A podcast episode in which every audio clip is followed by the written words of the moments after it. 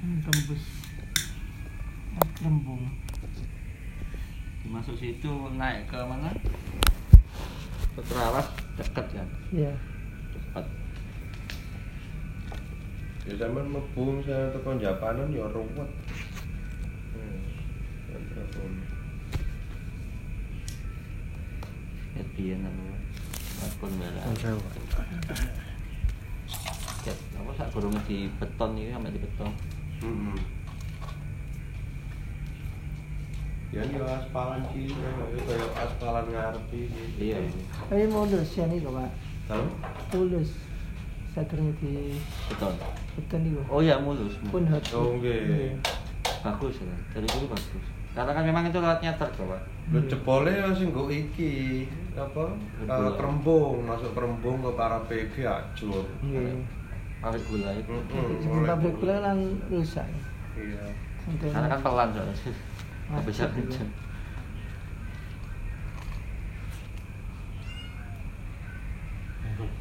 Gak ngefek.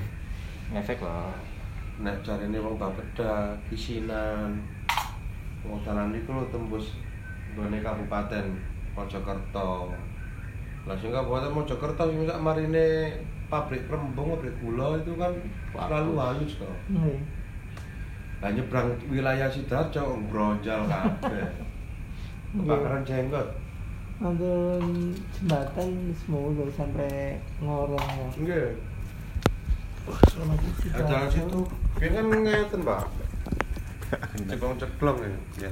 Terus lu sampai akhirnya di di beton kan ya karena kebakaran jenggot itu. Izin. udah kayak di Jawa Tengah ini Hmm. Mbak Jawa Tengah lah wabik Pantura Padahal itu dari nasional tapi kok beda rasanya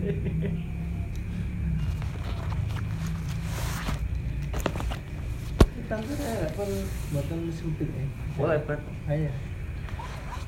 Mas saya jarang pak Membosankan kan jalan ini ke barat, ke tengah Lewat Bojonegoro ya. Ya, Bojonegoro bisa lewat Madiun. Madiun Madiun tak yang beli Pasir. Naik Tawangmangu, Nih. ngadem dulu Turun Solo Jogja, Purworejo. Nggih. Potong Bandung, ke situ. Bandung Mas.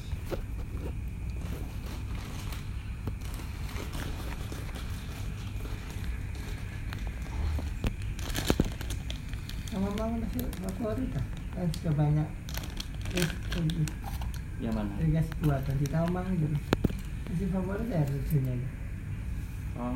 masih rame, Pak. Rame. Kalau lagi apa? Covid gini kan tambah rame. Yang pinggir jalan Ke tongkrong. Itu kan setengah sirkuit apa kalau motor? Gak minggu ya. Tikungan mau temen. Banyak. Hampir semua tikungane situ maut. Iya. Anak motor yang gede-gede yang sport itu kan banyak masuk sana. Dulu di Wonoayu kan di situ. Nggih, Jimbaran Kulon. Eh, Jimbaran Wetan. Di situ. Oke, Ngeslong. kalau bus itu malah agak tricky karena dia kan harus habis dulu kan baru dibelokkan. Oh. Tricky ini ngetrik. Nek eh, ceritane sing tukang bis, dhek ngambil jalur lama. Lama. Jalur lama. Juara, Pak. Ah iya. Jalur lama kan ngene ya. Sing Iya, sing- anyar kan rodok landai. Iya. Ngene, bener lu Winda. Aku itu dijak liwat kono. Terus mundur nih, saya namanya. Maju pas turunan itu. Hmm. Tapi ambil jalur yang lama. Salah. Gak ngatasi. Ini motor ciri-ciri kok, eh jangan. Yang lama. Nih, Oh, Oh, jangan, Pak. Yang baru aja. Mending yang baru aja, Pak, pelan santai. Yang baru aja nek eh, lagi kayak gini kan musim kabut turun, waduh. Ya, masih agak rawan. Saya kalau ke sana sih seringnya pas hujan sih. Jadi Iya, kabute kok. dia nggak pernah ngebut Meskipun e- enaknya kan jalurnya sing baru ini kan lebar. lebar Sing lama kan lebar pak jadi mo- Mobil. motor atau bis sebelahnya mau eh sorry mobil sama motor itu masih bisa iya. Bareng kalau biasanya kan motor harus nyalip mobil kan berusaha itu enggak ya cukup lah lumayan lah. ada sedang kalau kita bawa mobil masih santai lah nggak nggak ngepres ngepres banget Tak tegang-tegang banget ya.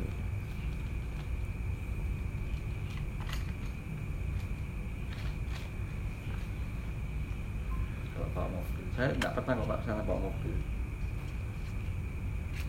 tapi saya kan tol apa ya enggak kan Iya. Nek tol iki. Aku ke mana nih PP lek Jogja. Ebes. Ayo mulai. Kali isu. Mari sak jaluk mulai. Ayo mulai.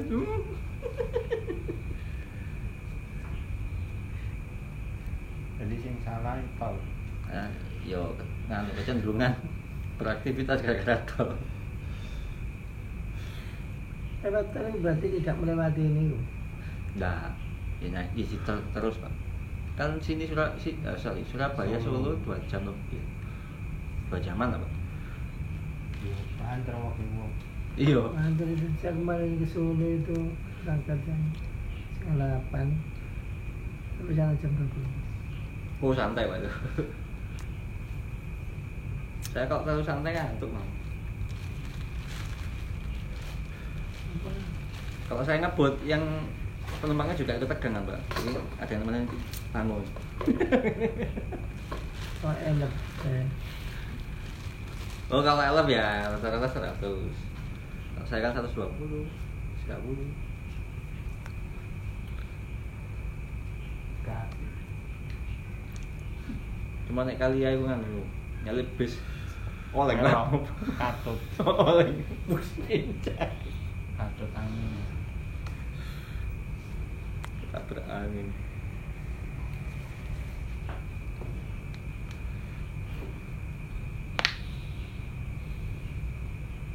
Ini panjang. Akhirnya ini tak anu sering tak apa jenenge riset. Enggak disable screen touch screen. Gak diservis ya kan habis sejuta ya di servis servis sih karena rasa rasa gak kolu kalau tukang servis ngomongnya koi biar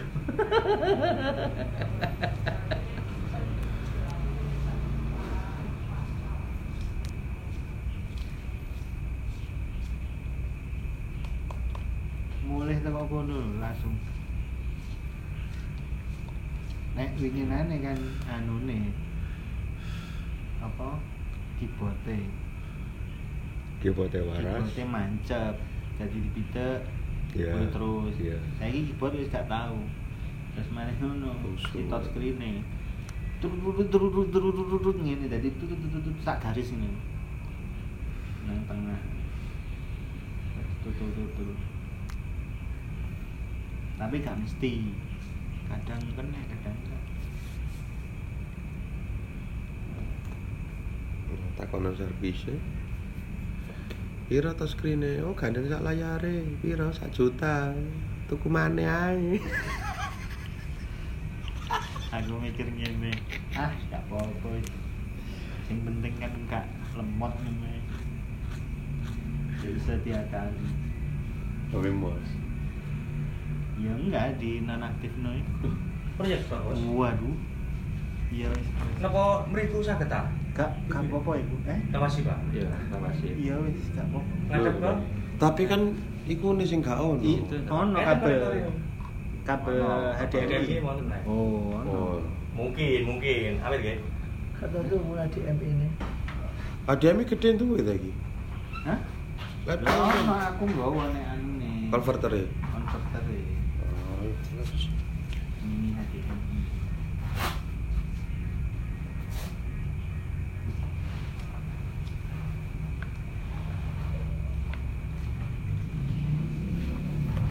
kalau hari ini jadi presentasi jadi Wakasari jadi yang pertama mau mendengarkan laporannya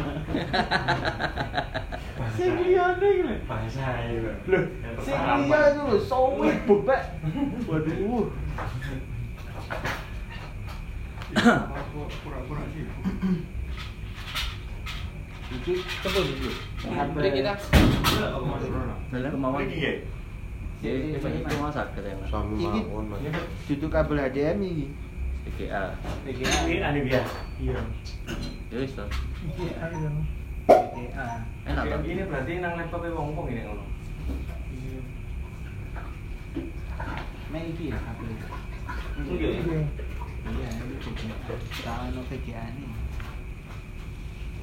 Ya, boten ada. Iki kita ini. Iya, Konverter tangga apa Bagaimana? Iya. Ini bagaimana solusinya? Kan tapi ini tidak bisa ya. Kan?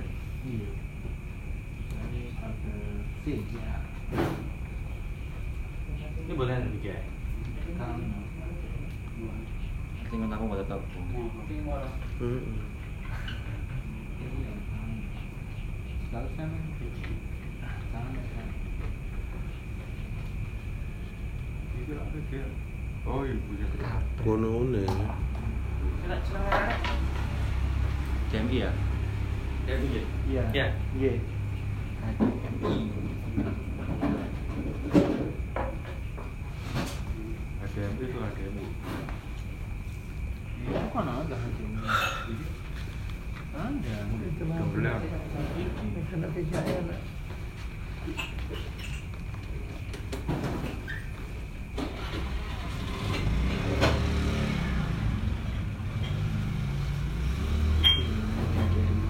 Oh iya. Kabel Sudah masuk Nah. ke apa semua ya. Dalam? Laporan ini. Oh sudah dinas sudah pak. Ya. Saya presentasi di Luminar kan hari. Dia itu bareng sama Masih di. anu Asi Dewi. Ah, Mas Andi. Asi Dewi tiba ya anu Kesulitan. kena Kena kena wajar. up anu apa Tenaga. Penolakan di Telur. Itu. Iya. Itu malah belum ngapa-ngapain kali. Setengah aja. Hari nangis jadi.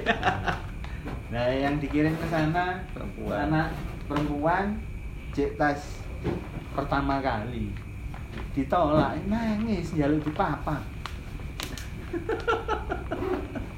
Iya, keterlaluan tapi ya tidak apa memang harus begitu.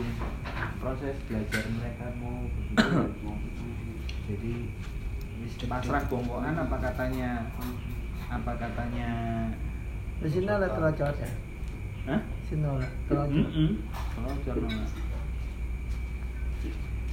itu tambah kasusnya tambah susah lagi karena si sidoarjo itu belum punya homestay. Jadi sing dikatut no hotel hotel cilik. Nah, ini hotel cilik ya wis tambah kapan? Orangnya pada mikir "Lah, ngapain aku dikasih di Om nggak butuh. Ini kan bisnis yang sudah jalan ya Pak. Kalau kita ngomong bisnis kan sudah jalan. Jadi sisi idealisnya. Gimana kan di Surabaya itu kan homestay ya. Yang mana? Yang di Surabaya itu. Heeh, latihan homestay. Itu ya sama. Nggak ada homestaynya. Rata-rata itu ya nek disebut paling cocok motel. Kuatin ya. motel. Motel itu motor hotel, jadi tempat apa penginapan persinggahan. Jadi sing nginep ya kakek sales, wong ngirim-ngirim barang gitu.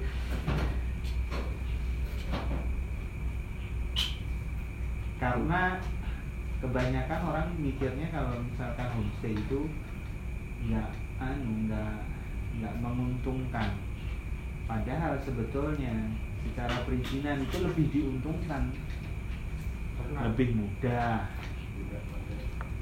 lebih mudah, terus lebih ke ke masyarakatnya. Ditekano nang hotel nang iku nang nang apa? Cakep.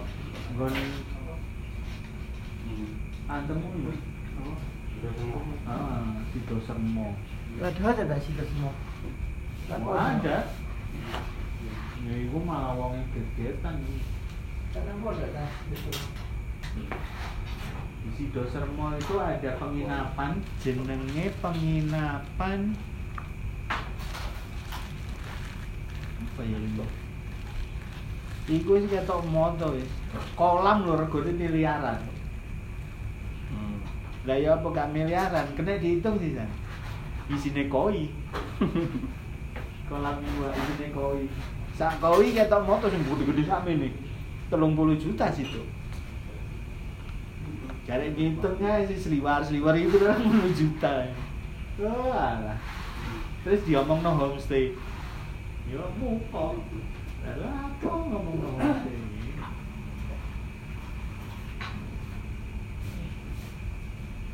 Gak usah tinggi-tinggi. Nggak perlu tinggi-tinggi. Nah, ya cukup.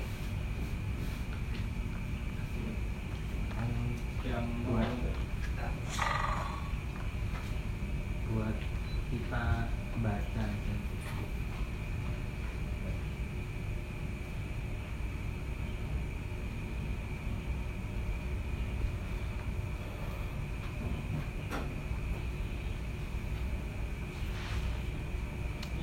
Nengok.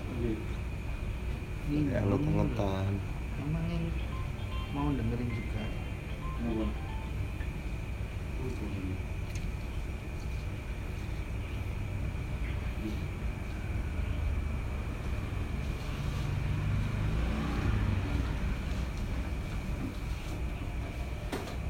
Layarnya sendiri.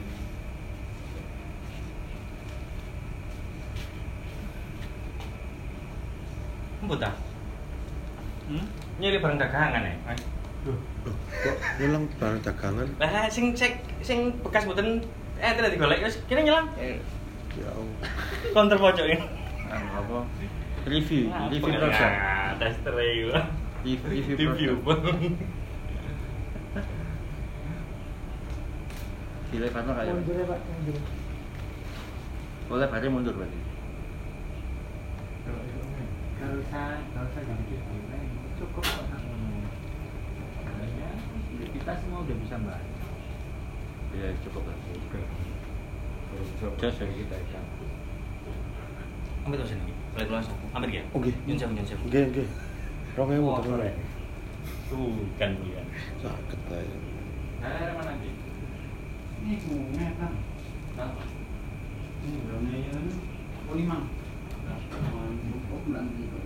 Oh ini Waduh. Bulan bisa. Kalau apa ada kopi udah beli sekalian.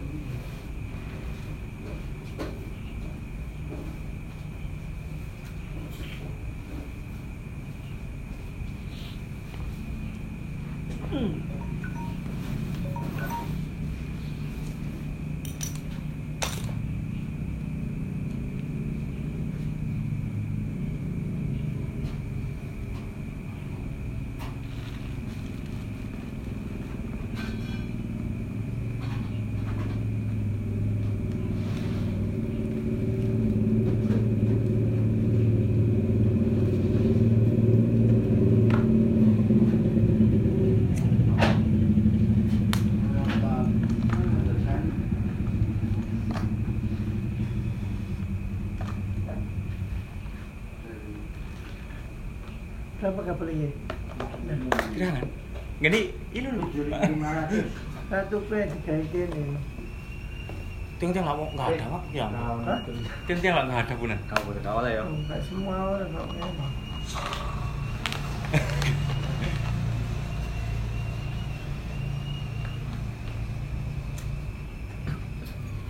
Ini lagi kontak langsung HDMI. Ketemu konten tetap ya. Yo,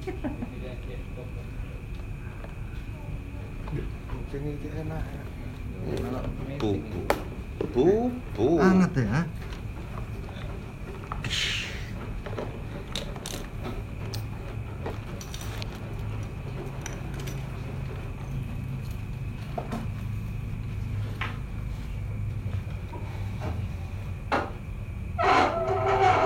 Mboten kerang mundur sampe. Hah? Ya apa? Mboten kerang mundur lah. Boten pun. Pulang kan cukup. cukup. Dane Siap. siap, kayak siap. Sak lapang. Oh, iya.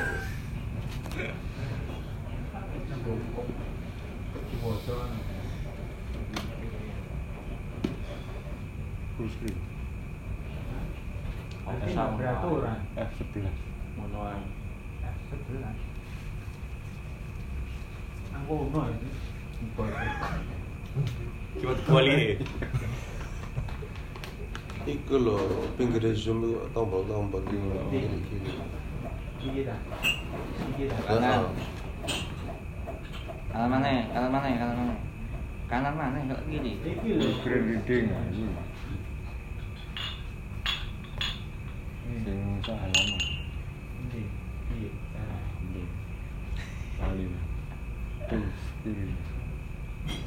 Tuh, one page. So one page. Hmm. Ya betul ae. Zoom. Betul ae nggak zoom. Iya.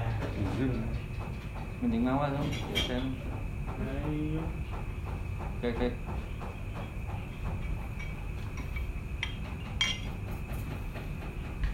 Ya per paragraf. Iya. Malu mata tua. Ya, jenenge kan salah yo. Ah. SS itu apa nah? Suara Surabaya. Laporan Volantas. Woko. Iya, sebenarnya nggak usah. Iku lho AMD iku lho, prosesor. AMD kep ta AMD apa? AMD itu Prosesor. panjangannya apa? Linux. AMD itu apa panjangannya? Halimah dia. Oh. Oke. King. Niki wonten punan. Kabel HDMI. Dalam tiga apa? eh, manajemen informatika. Jadi dulu belajarnya lebih banyak sama komputer. Makanya jangan Software. ngomong.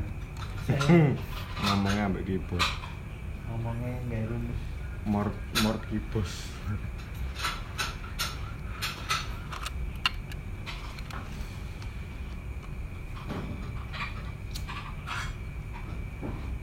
Iya, lali kata lem dah. Apa? Ini masa desain. Ya sempal kata lem lali. Desain programming. Kulo ke arah pemrograman. Bukan. Programmer.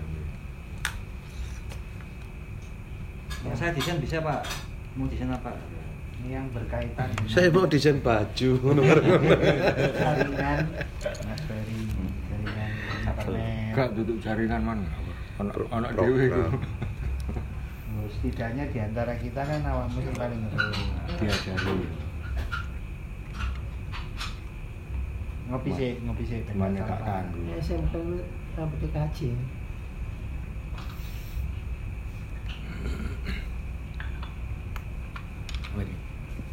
Oke.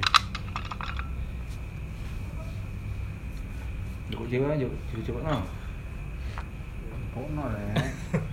Kakean iki mau apa? Kadung. Jadi kita kira warung ini. Warung Apa besar.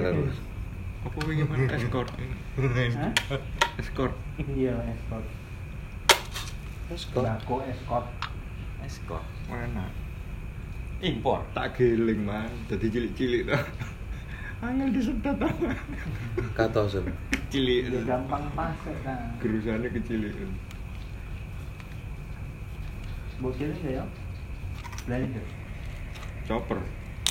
Chopper daging lah. Iya.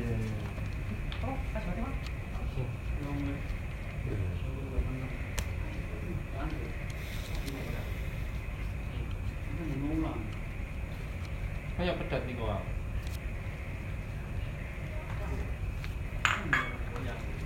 Nyambung. Gini.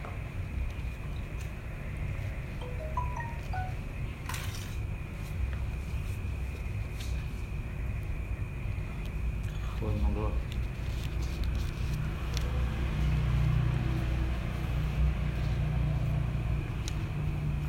Boleh apa?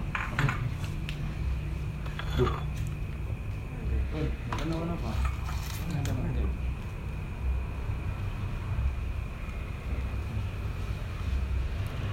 Ustaz, Oh, udah. dibuka silakan. Nggih.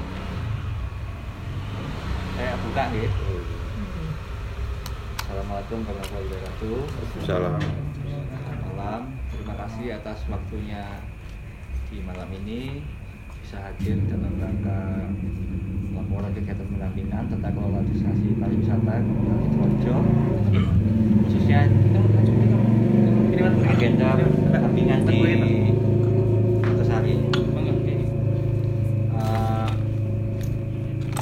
sebelumnya kami sudah melakukan laporan ini ke Dinas Pariwisata Kabupaten Sidoarjo pada waktu lalu di Hotel Luminar dan alhamdulillah Dinas juga memberikan feedback yang baik tentang aktivitas kita bersama yang kemarin harapannya depan bisa bisa ada lagi sinergi untuk aktivitas di waktu yang akan datang untuk lebih jelasnya kami serahkan ke Mas Manu untuk membacakan hasil secara jelas biar kita bisa mereview sama-sama untuk laporannya. Monggo Mas Manu. Iya, terima kasih eh, atas waktunya dan kesempatannya Mas Woko. Jadi Bapak Ibu, eh Bapak-bapak dan Ibu, karena ibunya cuma satu. Jadi sebetulnya laporan ini karena laporan dari empat desa ya, jadi empat kegiatan, bukan hanya di Watesari, tapi ada empat desa yang kita dampingi dan ini dijadikan satu laporan. Kenapa empat desa? Ya ini karena penugasannya memang eh, untuk kesempatan ini dinas pariwisata itu memilih ada empat destinasi sebetulnya empat destinasi di empat desa yang berbeda. Nah harapan dinas sendiri sebetulnya harapan dinas sendiri itu sampai dengan laporan ini kami laporkan sebetulnya dinas juga belum punya tujuan yang pasti mengapa eh, empat destinasi ini dipilih untuk didampingi. Jadi ini sebetulnya kesempatan untuk teman-teman di destinasi supaya bagaimana kita merancang sebuah alur perjalanan wisata di Sidoarjo itu bisa dimulai dengan mengedepankan eh, apa namanya eh, inspirasi atau suara dari destinasinya sendiri. Jadi tidak dari dinas pariwisatanya, tapi justru dari destinasi-destinasi yang ada di sidoarjo. Entah ini kebetulan atau tidak, memang sebetulnya dari Watasari sampai ke Telocor itu bisa ditarik satu garis lurus. Jadi kalau misalkan ini dijadikan sebuah uh, alur perjalanan wisata, itu bisa dimulai dari barat dan kemudian berakhirnya di selatannya Sidoarjo. Utara barat sampai ke selatan timurnya Sidoarjo. Terus uh, langsung ini bentuknya kemudian pendamping. Pendamping sebetulnya kami ditugasi itu Pak. Uh, Pak Kades kami itu ditugasi sebetulnya hanya tiga orang. Tapi karena saya pikir mendampingi empat desa tiga orang pasti sangat tidak efektif. Jadi akhirnya saya lampirkan di situ. Biar dinas juga paham bahwa yang mendampingi totalnya jumlahnya ada enam orang. Jadi dua orang empat orang yaitu Mas Erwin Mas Erwin Mas Ferry Mas Purjoko dan Mas Woko ini yang pendampingnya dan saya sama Mas Yunan ini yang uh, koordinator pendamping. Nah, jadi pembagian tugasnya seperti itu. Oke kemudian daftar isi seperti biasa. Nah ini latar belakang sebetulnya uh, saya mencoba mencoba untuk membangun pemahaman di latar belakang ini. Tidak hanya kepada destinasi tapi juga pada eh, sidoarjo yaitu di dinas kabupatennya bahwa sebetulnya mungkin teman-teman juga sudah sering tuh dengar bahwa oh sidoarjo itu punya potensi yang besar. Oh sidoarjo itu sangat berpotensi untuk dikembangkan pariwisata. Oh sidoarjo itu sangat mungkin untuk ya itu. Tapi yang di, di selalu dipertanyakan adalah pertanyaan simpel potensi yang mana destinasi yang mana dan bentuk pengembangan pariwisata seperti apa nah dari sana kebetulan ini juga uh, bukan gayung bersambut tapi sebetulnya ada kesempatan dari dari parekraf dari dari kementerian yang mengeluarkan kegiatan atau memprogramkan kegiatan yaitu uh, TKDP tata kelola destinasi wisata. Nah, sebetulnya niat dari pemerintah pusat yaitu kementerian untuk bicara tentang tata kelola destinasi itu sering sekali dipahami dinas-dinas di kabupaten itu sebagai program di destinasi. Lah, padahal kita bisa membayangkan kalau kementerian mengeluarkan sebuah program, bagaimana menteri itu bisa bicara tentang destinasi per destinasi? Pasti bukan. Sehingga ini sebetulnya diturunkannya langsung ke daerah. Nah, Sidoarjo juga masih menya, memahaminya bahwa yang dimaksud tata kelola destinasi pariwisata itu adalah bagaimana kementerian itu bisa mengatur atau me mengemas sebuah destinasi menjadi destinasi yang ideal. Pemahaman Sidoarjo di sana masih seperti itu. Nah, tapi akhirnya kebetulan saya sendiri juga uh, sudah mengikuti pelatihan tata kelola destinasi dan sudah melakukan penyuluhan atau menjalankan program di Jawa Timur. Saya pernah ke Probolinggo, ke Situ Bondo, nah, dan Sidoarjo. Nah itu sama sekali tidak bicara langsung tentang destinasi. Gitu ya.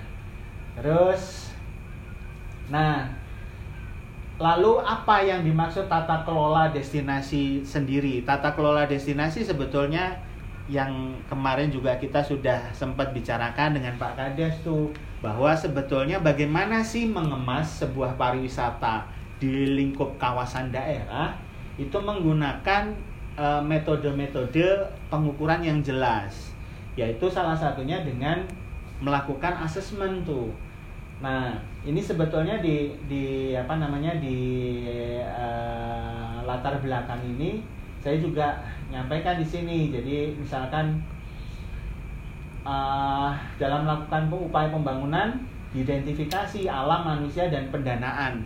Jadi awal berpikirnya sebetulnya aset modal yang dibayangkan itu hanya ada tiga, yaitu alam, manusia, dan pendanaan. Tapi untuk lebih menemukan detail, kemudian ini diturunkan dari tiga uh, aset ini, faktor ini menjadi lima, yang sebetulnya ini juga masuk di sana. Jadi alam pasti karena tidak bisa dijabarkan lagi alam. Kemudian manusia ini itu diturunkan menjadi sosial dan manusia. Kemudian pendanaan ini menjadi pendanaan dan fisik. Nah, itu.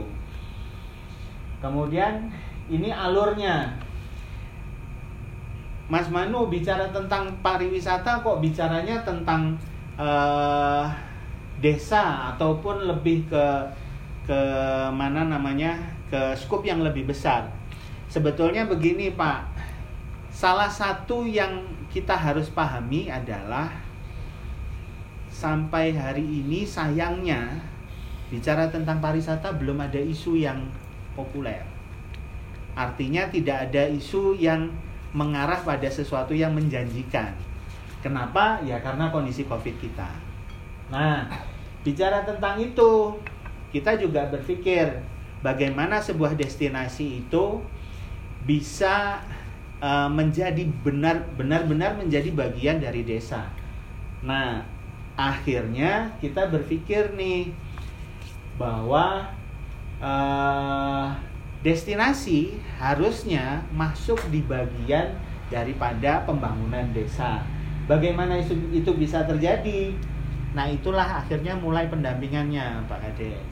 Pendampingannya kita mulai sebetulnya harapannya adalah teman-teman yang ketika datang kemarin itu adalah kami perkenalkan dulu nih.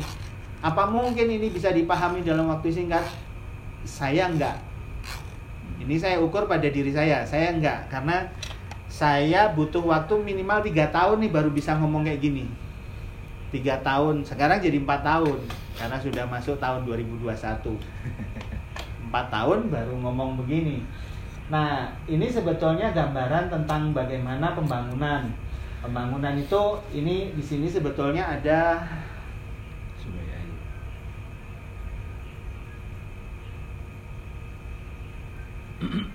Orang gede. Nah ini bagaimana pembangunan itu dimulai, yaitu sebetulnya yang harus dipahami adalah isu tentang kerentanan. Jadi faktor-faktor apa sebetulnya yang kemudian bisa membuat eh, kehidupan kita itu menjadi terganggu. Nah di sini kita bicara tentang kerentanan tiba-tiba terjadi kecenderungan musiman. Jadi sebetulnya ketika eh, bicara tentang kerentanan itu sesuatu yang tidak bisa dihindari. Jadi contoh misalkan faktor alam. Nah, itu merubah kecenderungan secara musiman. Bisa jadi seperti yang terjadi sekarang. Misalkan hujan, saya nggak tahu kalau di sini hujan gimana ya. Kemarin hujan di rumah saya itu udah sempat bikin banjir tiga kali karena dan ini baru pertama kalinya selama saya tinggal di sana. Jadi ada kondisi seperti itu. Nah kerentanan ini itu pasti akan mempengaruhi dari lima aset modal ini yaitu alam sosial manusia fisik dan pendanaan. Nah kemudian bagaimana ketika manusia itu mengupayakan pembangunan maka di situ dibuatlah perubahan struktur proses. Nah ini biasanya pemerintahan sektor swasta kebijakan. Ini biasanya bentuknya adalah kebijakan-kebijakan.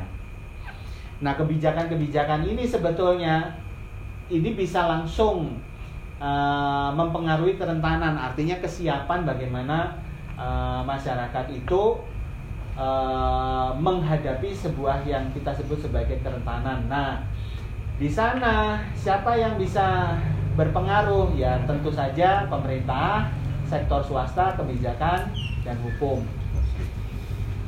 Dari sini kemudian baru distrategikan untuk menjadi kegiatan atau program kerja dampak pada kehidupan. Nah, kalau dari sini ini sukses dilaksanakan, maka tentu saja yang kita damba-dambakan sebagai uh, lima aset modal ini akan tercapai. Nah, kemudian bicara tadi itu sambungannya pada bagaimana proses bagaimana proses kita bekerja dan merencanakan pekerjaan. Kemarin kita mulai kenalin ini Pak Kades input, output, outcome sama impact. Nah, input ya otomatis itu tentang inventaris apa yang kita punya. Kan begitu.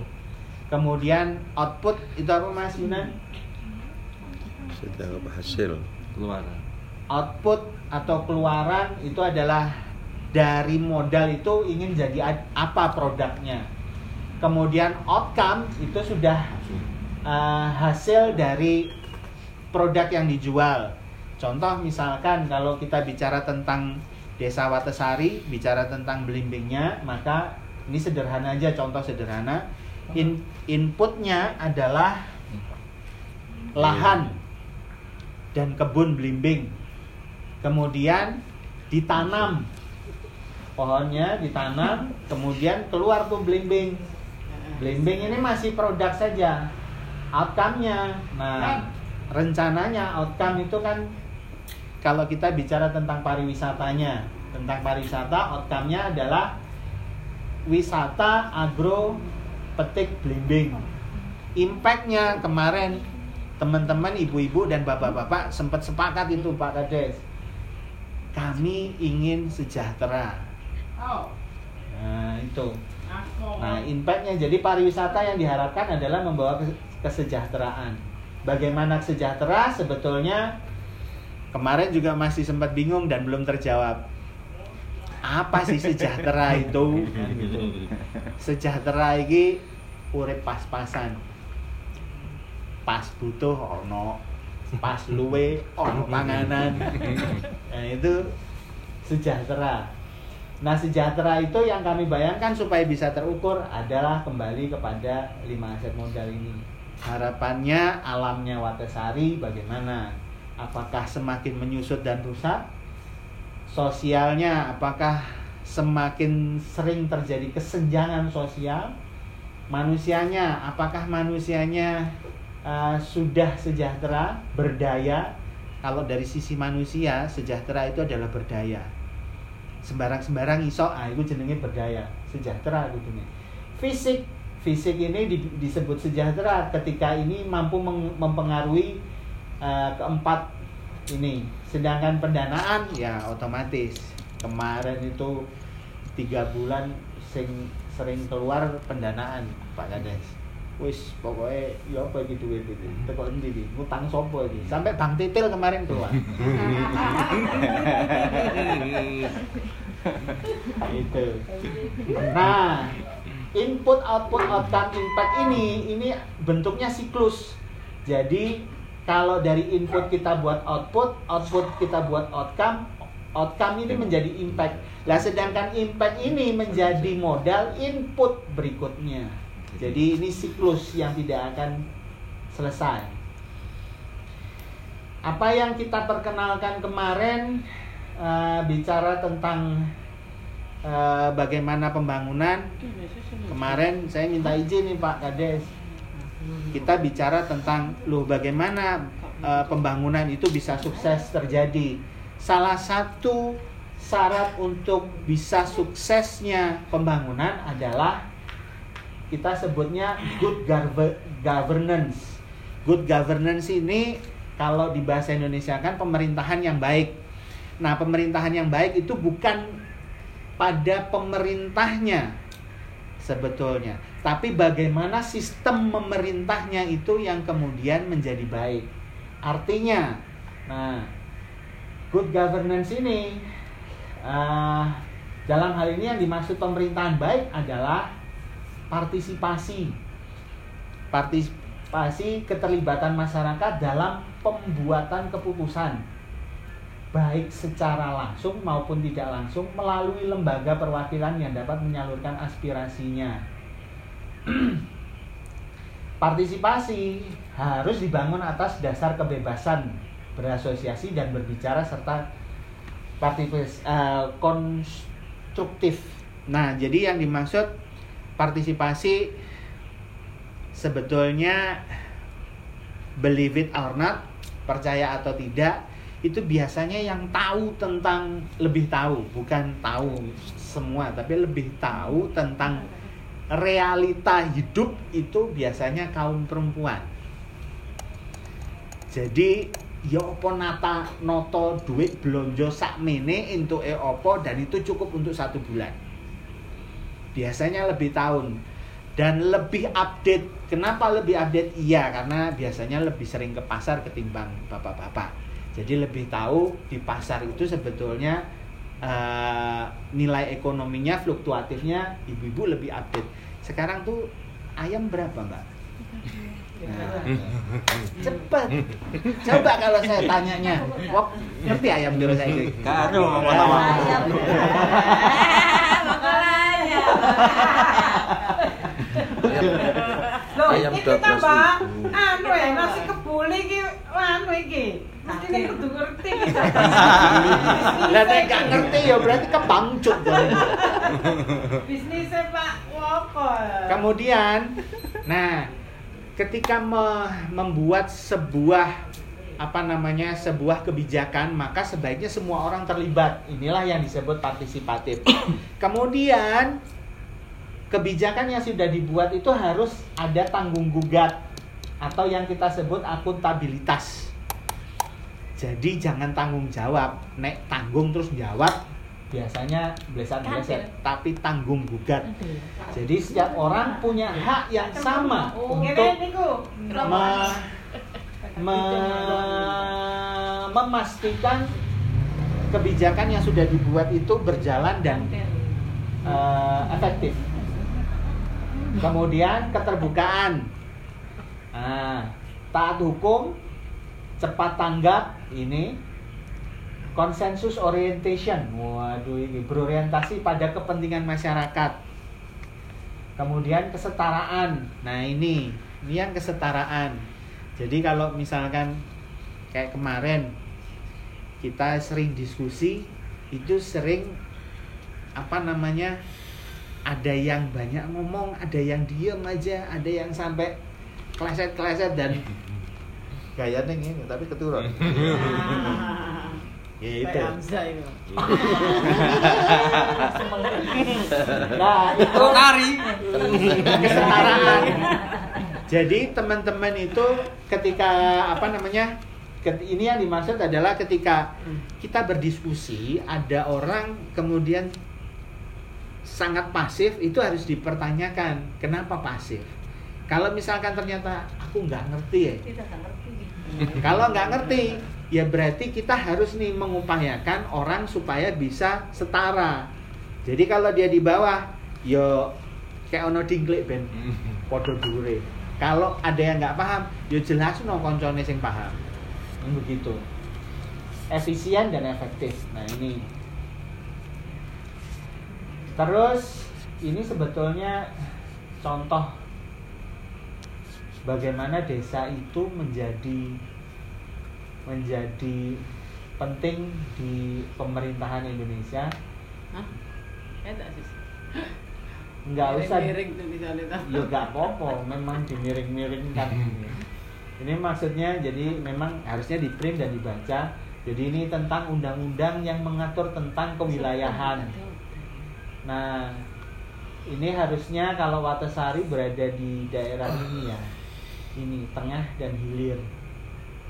Kawasan distribusi air dan kawasan pemakai air. Ini. Terus ini metodenya. Jadi metodenya adalah yang dipakai observasi.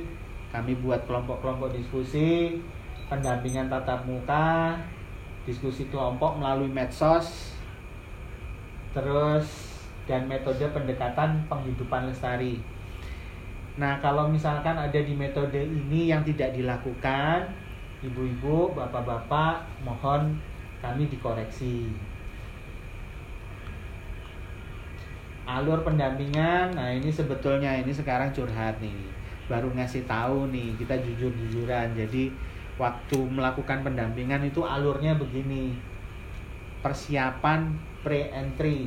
Jadi sebetulnya meskipun kami ini sudah me- mengantongi surat apa namanya surat penugasan dari dinas tapi sebetulnya kami masih mengupayakan bagaimana teman-teman Mas Woko, Mas Pepeng dan saya yang kebagian di sini ini bisa diterima di sini. Karena kita waktu datang juga sebetulnya apa namanya harap-harap cemas gitu nggak diterima tangga dan Tak diterima.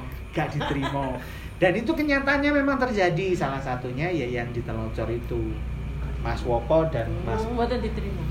Loh, langsung dicerai jadi lamaran ditolak. Iya itu terjadi. Jadi Mas Woko itu sampai dapat omongan dulu waktu aku perawan ke mana aja. Sekarang aku udah di Pinang. Pinang orang baru datang. Sudah gaji siap dipinang orang. Udah siap di Pinang orang baru datang. Telocor itu ngomong gitu ke Mas Woko. Pertanyaannya saja, ini awakmu lapo sih wong nang kono iku? Kok iso sampe bingung? Saiki wis berhasil. Berarti waktu membutuhkan bareng. Iya. Tidak ada yang datang. Sekarang seperti Jadi bukan nggak ada yang datang, mereka datang waktu awal itu, tapi kemudian memutuskan menyampaikan kita nggak mau didampingi. Ah, saya tidak menggiring opini ke sana, tapi kalau mau itu mau diartikan ya silahkan juga boleh. Terus setelah kami mencoba untuk berkenalan dan berupaya untuk bisa diterima, pendampingan melalui kelembagaan itu sebabnya mengarahnya ke Pok Darwis. Nah ternyata kami juga di sini di Watesari menurut ceritanya Mas Ferry dan Mas Woko ketemu Pok Darwis yang masih perawan juga. Iya. Ya bener. Ting ting. Ting ting. Ting. Nek ngono jok kesuwen dadi Pok no, Darwis. Drama.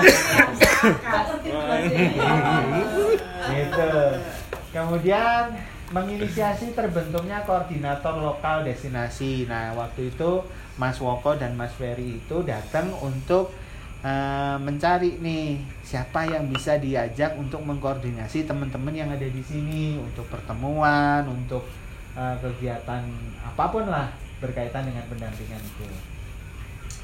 Terus eh, kelompok koordinator ada empat destinasi menginisiasi penggalian data yang dilakukan kelompok. Nah ini kemarin yang akhirnya ngajarin make alat-alat dan suruh nyari sejarah desa dan sebagainya. Jadi sebetulnya itu mau mengenalkan ke teman-teman sendiri bahwa begini caranya kalau mau nyari data. Jadi ada alatnya dan alat itu berfungsi untuk keperluan analisis. Nah, mendampingi analisa kemarin yang mulai scoring, mulai dari scoring. Itu menganalisa data, mendampingi menemukan akar masalah. Oh, itu yang kemarin kita bicara tentang eh sing akeh tubrukan gara-gara peteng, terus ono sing mabuk. Nah, itu. Terus ada tikus, ada air. Nah, itu. Terus mendampingi menemukan solusi masalah ini sebetulnya kemarin idealnya adalah kita benar-benar menemukan solu- solusi masalah untuk bisa dijadikan program kerja. Tapi tidak apa-apa yaitu yang tadi saya sebut. Saya tiga tahun itu baru bisa ngomong begini. Tiga tahun belajar begini aja terus. Itu baru bisa nih ketemu begini. Sebelumnya juga enggak nah kalau ibu-ibu dan teman-teman bapak-bapak baru ketemu terus langsung dikasih itu ya jadi begitulah reaksinya. Mukok-mukok. Untuk membuat rencana tindak lanjut. Ini kemarin rencana tindak lanjutnya tidak tidak berhasil dilakukan oleh Pak Darwis. Tapi Desa Watesari punya. Nah itu sudah dilampirkan. Itu terus presentasi nah ini tinggal teman-teman nanti insya Allah punya kesempatan ini nih untuk mempresentasikan hasil kegiatan ini apa. Terus apa yang mau direncanakan selanjutnya? Hasil dari pendampingan ini di sini. Ini tabelnya tabel waktu timesheet. Nah ini. Ini sebetulnya nanti Pak Kolidi boleh nih. Saya kita kasih kopinya. Kopi filenya ini jadi boleh dibaca apa yang dilakukan. Nah ini yang kemarin dilampirkan ke dinas juga. Nah ini catatan kegiatan setiap hari. Nah pengeluaran ini pengeluaran ini sengaja ditulis sama tim alasannya adalah karena pengeluaran ini tidak ada dan tidak dianggarkan oleh dinas. Nah, kenapa ditampilkan di sini supaya dinas bisa punya bayangan kira-kira berapa sih operasional untuk melakukan pendampingan? Ini. Detail tentang kegiatan pertemuan satu, pertemuan kedua. Di sini yang menarik adalah Hah? Ini. Ini nanti teman-teman bisa langsung baca. Ini jadi ini tabel kegiatan Pak Kades. Ini apa yang dilakukan mulai dari hari pertama sampai dengan hari terakhir di sini. Ini Mas Woko dan Mas Pepeng termasuk teman-teman yang lain. Ini sudah kami catatkan di sini. Nah, ini pengeluaran ini kami juga tuliskan di sini. Ini sebetulnya pengeluaran ini tidak biasanya tidak dituliskan kalau budgetnya ada dari dinas tapi ternyata, budgetnya itu tidak ada jadi kami tuliskan harapannya adalah dinas supaya paham siapa pun nanti yang kemudian bisa menjadi pendamping mereka sudah bisa punya bayangan untuk mendampingi sekali jalan itu berapa sih ongkosnya dan apa saja kira-kira yang dibutuhkan kalau di sini karena kebetulan Mas Woko dan Mas Pepeng ini rumahnya sama-sama di daerah Juanda, jadi sebetulnya ongkos yang paling besar adalah BBM. Ini nanti Pak Kades akan dikasih soft copy-nya dari laporan ini. Ini detail aja, detail kegiatan perharinya. Nah ini yang dari telocor. Nah ini telocor juga kami nuliskan apa adanya. Bahwa kami hanya ada berapa kali pertemuan ini? Dua tiga. Nah tiga kali pertemuan saja. Dan kami mendapatkan penolakan. Ini saya cantumkan di sini untuk tetap memberi uh, berkaitan dengan hal tersebut pendampingan yang dilakukan tim pendamping kemudian mengalami penyesuaian oh ini deh yang terakhir pendampingan tiga bulan diasumsikan sudah nah ini secara umum hasil pendampingan tiga bulan di, wisa, di wisata Bahari Telocor belum optimal. Pihak WBT melalui Humas Pok Darwis WBT menyatakan untuk tidak ikut serta dalam program ini. Maksudnya pendampingan untuk sementara waktu. Saya buat untuk sementara waktu karena saya memperhalus supaya dinas juga nggak shock dengernya. Karena nanti kalau misalkan saya tampilkan apa adanya langsung ke dinas, kami takut itu akan menjadi masalah di dinas. Sehingga dinas apatis dengan telocor. Itu yang kami khawatirkan. Jadi itu saya sebut sementara waktu. Dengan pertimbangan bahwa program pendampingan tiga bulan ini diasumsikan sudah terwakili dan dilakukan oleh tenaga konsultan yang membantu pengembangan destinasi WBT. Nah jadi kondisinya di telocor itu Pak Kades dia pasrah bongkoan dengan uh, konsultan. Jadi masyarakat di sana cenderung tidak terlalu banyak dilibatkan. Jadi langsung aja wis konsultan apa konsultannya yang pikirkan itu yang dikerjakan. Ya tinggal seberapa kuat modal mereka. Nah ini akhirnya kami juga laporkan nih di sini kami cuma melakukan tiga kali pertemuan dan itu langsung ditolak lamarannya kemudian ini juga laporan dari petik jambu kebaron. Nah ini teman-teman kalau mau mau ba, apa namanya mau tahu tentang apa yang terjadi di kebaron boleh silahkan dibaca ini. Teman-teman di kebaron ngapain aja nih per hari. Terus ada panen raya dan sebagainya.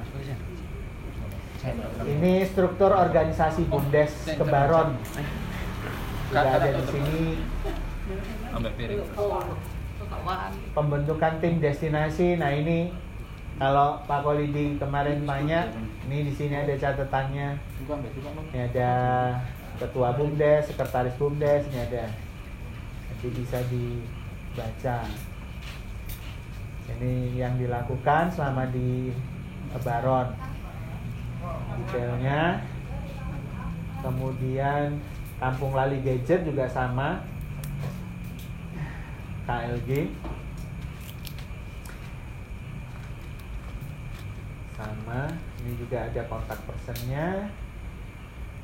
Apa yang dilakukan juga ini ditulis di sini ada masalah-masalah apa apa yang didiskusikan itu semua ada tercatat di sini. Nah ini yang sebetulnya penting.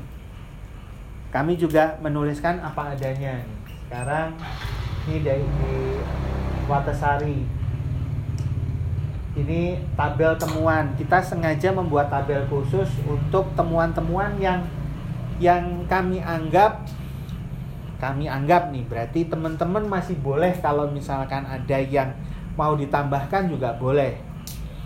Ini masih dari sudut pandang kami. Yaitu adalah nih saya tuliskan di sini Pok Darwis Watasari belum mengetahui tentang peran dan fungsi Pok Darwis ini saya saya tuliskan bukan saya asumsikan. Jadi ini adalah apa istilahnya? E, pernyataan. Untuk. Pernyataan yang pernah disampaikan bahwa sempat ada pengakuan Pak Kades. Pok Darwis Wasasari belum mengetahui tentang peran dan fungsi Pok Darwis. Kemudian Pok Darwis Watasari tidak puas dengan kunjungan wisata di Wonosalam. Waktu studi tour. Itu. Tuh. Jadi itu Iya. saya ini yang ini khusus yang ini. Oh, rame. Ini orang dinas langsung marah-marah. Loh, nggak puasnya bagaimana? Mana yang nggak puas? Loh, nggak puasnya terus dijelaskan. Yang disebut nggak puas itu bukan karena bisnya jelek, makannya nggak enak, bukan. Tapi itu karena kita diajak ke sana ke tempat destinasi yang juga belum siap gitu. Nah itu akhirnya kan bahasa Inggrisnya itu kecelik gitu. Kemudian penggalian data sejarah de- desa Watesari. Profil desa rencana pengembangan Watesari. Pok Darwis tidak mengetahui mengenai Renstra RPJMDes. Jadi yang kemarin itu yang yang apa namanya kita dapat dua file itu dari Pak Kades. Nah itu teman-teman belum belum familiar entah belum baca atau belum mudeng saya saya serahkan kepada kawan-kawan untuk dieksekusi gitu. Kemudian dari Telocor wisata bahari Telocor melalui humas tidak menerima pendampingan. Ketua Pok Darwis nah ini malah tambah lucu lagi. Ternyata ketua Pok Darwis tidak mengetahui tentang adanya program pendampingan. Coba bayangkan. Jadi humas itu humas itu sudah menolak kami nggak mau didampingi lah ketua Pok Darwis ya nggak tahu kalau ada pendampingan. Ketuanya tidak menolak. Ji- ya nggak jangankan menolak om tahu aja enggak Terus siapa yang menolak? ya si humas. Humasnya melangkai jabatan. Ya. Ya gitu. Saya saya tidak mau nambah-nambah cerita tapi kenyataannya terjadi seperti itu Nah, jadi yang ditelocor ini aja dua yang kami sampaikan. Terus petik jambu di Kebaron. Nih. Ke, ini curhatan ini jadinya nih. Kebun jambu Kebaron diinisiasi oleh kepala desa sebelumnya dan skema kontrak tetapi tidak ada perjanjian tertulis. Jadi ini juga apa mbak istilahnya mir-miran buat mereka sendiri karena ternyata kebaron itu tidak ada eh, bentuk tertulis perjanjian yang bentuk tertulis. Nah ini kan bayangin sekian hektar dan kemudian sudah dipromosikan ke mana-mana tapi nggak ada tuh perjanjian tertulis atau apa skemanya bagaimana wes pokoknya dibikin aja tanpa skema. Jadi tidak apa jenis tidak direncanakan. Jadi kayak anu ae, apa jenenge kawin paksa Destinasi wisata Kebaron sudah menjadi unit usaha di BUMDes. Manajerial pengelolaan destinasi wisata Kebaron masih bertumpu pada ketua BUMDes. pengelola destinasi Kebaron belum pernah berjejaring dengan destinasi yang lain. Nah ini kebetulan karena orang-orang di Kebaron banyak curhat, jadi catatannya agak banyak itu sampai 9. Kemudian ini yang di KLG juga begitu curhatan-curhatannya. Terus ini ringkasannya. Nah, ini bicara yang tentang input output sampai outcome, goal atau impact. Ini dari SDA, sumber daya alam, sumber daya manusia, sosial, sarana prasarana dan dana. Nah, proses pembangunan itu hanya ada di kotak ini. Di kotak ini. Ini mulai, jadi ini mulai merencanakan, kemudian ada ada apa namanya produk jadinya, kemudian ini hasilnya, hasilnya adalah oh ada gaji naik, ada tahu bukan tempe, ini tahu dan paham, terampil, budidaya dan sebagainya. Dampaknya adalah sejahtera atau lestari. Nah, siapa aktor pembangunan itu sendiri? Jadi teman-teman juga harus mulai apa namanya uh, memahami bahwa yang namanya pembangunan wis to nggak mungkin dilakukan sendiri ya wis kudu dikeroyok karena kebutuhannya orang banyak jadi harus dilakukan orang banyak jadi kalau misalkan Pak Kades itu tadi ternyata belum tahu tentang RPJMDes-nya yo sekarang Bumdes juga harus mau baca-baca supaya tahu, supaya mengerti dan memahami dan semakin mesra. Kan begitu. Jadi siapa aktor pembangunannya? Itu adalah sektor pemerintah, pelaku usaha dan masyarakat terorganisir. Jadi kelompok-kelompok masyarakat ada PKK, ada BUMDes, eh ada Pok Darwis, ada apa jenenge? Uh, Karang Taruna, ada apa lagi? Yang di sini kemarin kan sempat di, di inventaris Pengajian. ya, pengajian. Nah, itu.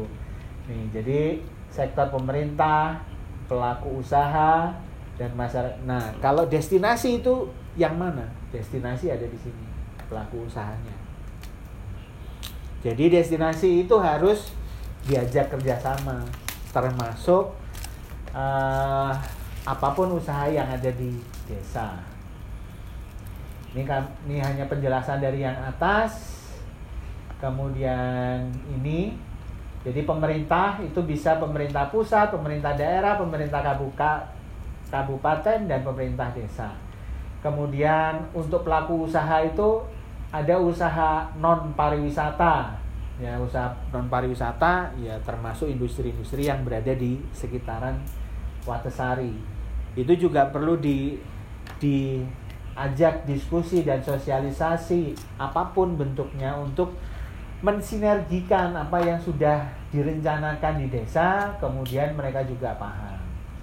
Kemudian usaha pariwisata ini sesuai dengan uh, Undang-Undang Pariwisata Nomor 10 Tahun 2009 ada 13 kalau nggak salah. Jadi kalau misalkan teman-teman berencana mengembangkan pariwisata pakai nama bidang usaha jasanya di sini. Jadi daya tarik wisata ya otomatis jelas uh, wisata agro, uh, petik belimbing, kemudian kawasan pariwisata.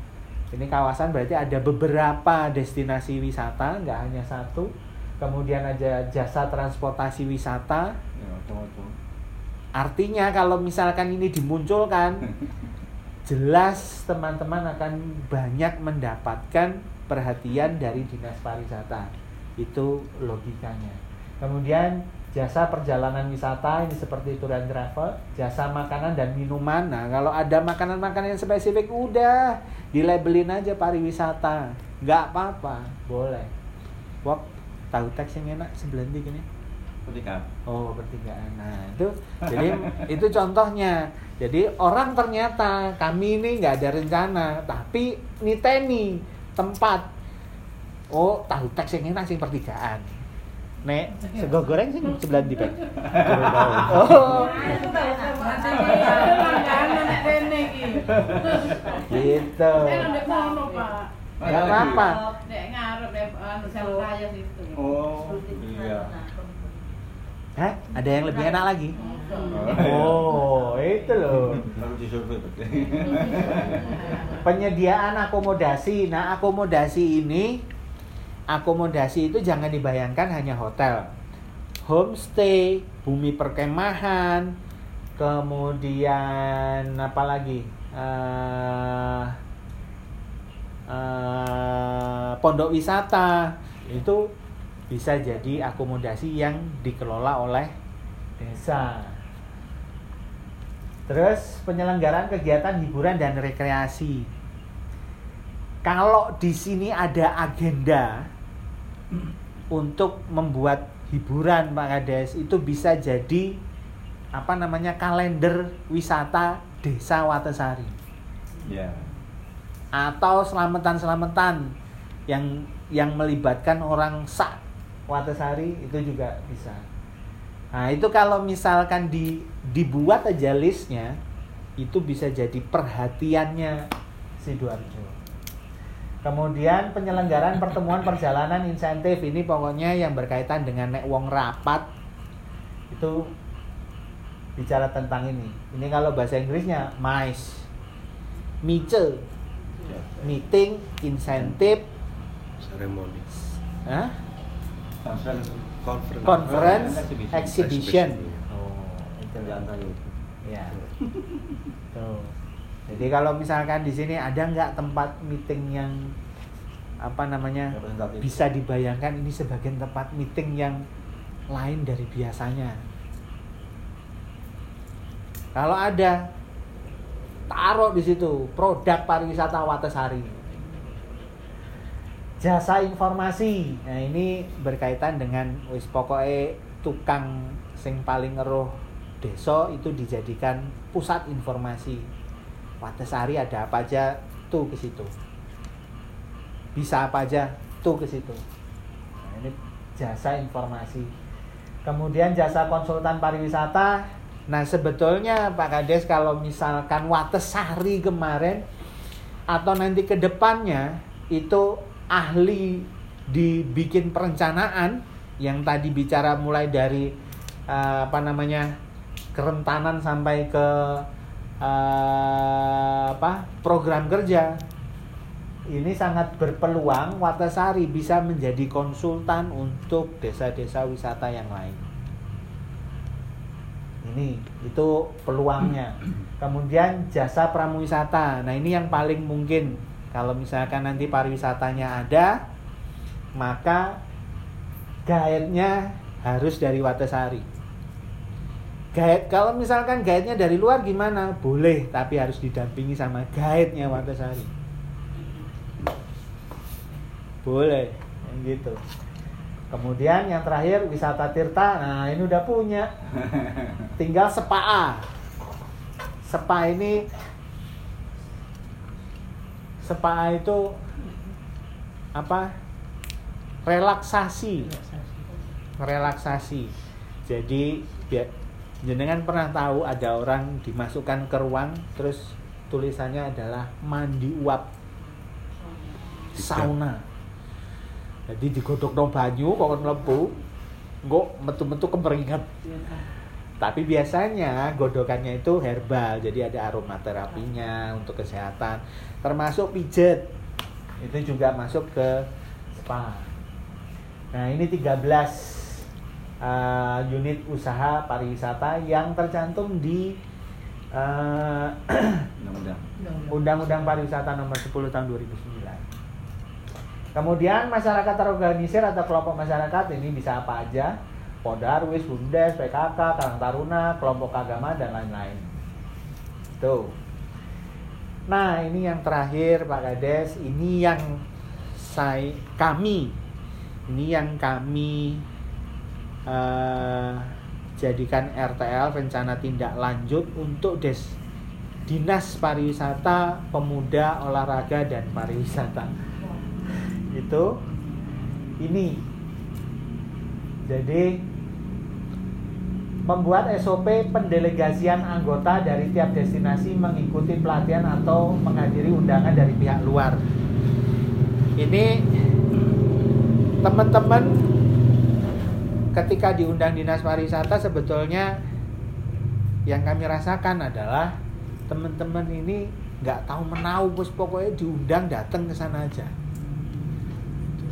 dan lebih celakanya lagi ketika acara pelatihan homestay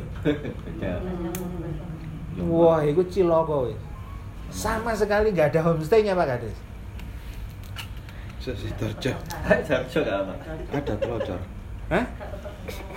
ada telocor dan ditolak pula gelem teko tapi begitu ditekani eh. Yang datang cewek lagi. Pulangnya nangis. Iya, jadi yang ditugaskan karena yang eh, untuk homestay kemarin pendampingannya sama Asi Dewi. Pendampingan homestay dipegang Asi Dewi dan yang dikirimkan adalah teman baru perempuan ketelocor. Andilalah sing nemoni. Wedok sisa wingi lanang tak tolak apa maneh wedok. itu sampai nangis loh itu pulang dari telocor karena nggak nggak nggak usah masuk kita nggak butuh loh ini anu enggak kita nggak butuh nggak butuh langsung diusir gitu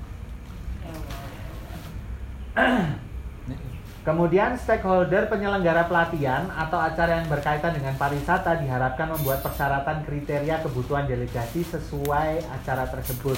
Ini sebetulnya masukan-masukan untuk dinas ketika melakukan pelatihan. Jadi believe it or not, kemarin itu waktu pelatihan itu dua dak sekali Pak Kades, dua dak sekali dan kami itu tidak diberi apa-apa. Maksudnya itu ini pelatihan yang tentang bagaimana terus mau bagaimana itu wis pasrah bongkoan wis pokoknya ini dibuat sebagai pelatihan oleh dinas pariwisata. Itu yang terjadi sehingga kami ingatkan untuk dinas pariwisata punya dua ini termasuk teman-teman di destinasi. Perlunya sosialisasi dan penyadaran tentang kelembagaan dan dalam industri pariwisata. Kelembagaan. Nah, ini kelembagaan itu yang kami maksud kenyataannya di empat destinasi saja itu masih ada yang bingung tentang bagaimana posisi Pok Darwis di BUMDes. Iki wak kuwi. Jadi Oh iya. posisi BUMDes dengan Pok Darwis itu bingung meletakkannya di mana. Pok Darwis itu dilibatkannya di mana di dalam BUMDes. Nah celakanya lagi ada yang Pok Darwisnya itu BUMDes. Jadi yang me- melakukan kegiatan BUMDes itu Pok Darwisnya. Mau tambah Mewah lagi. Itu.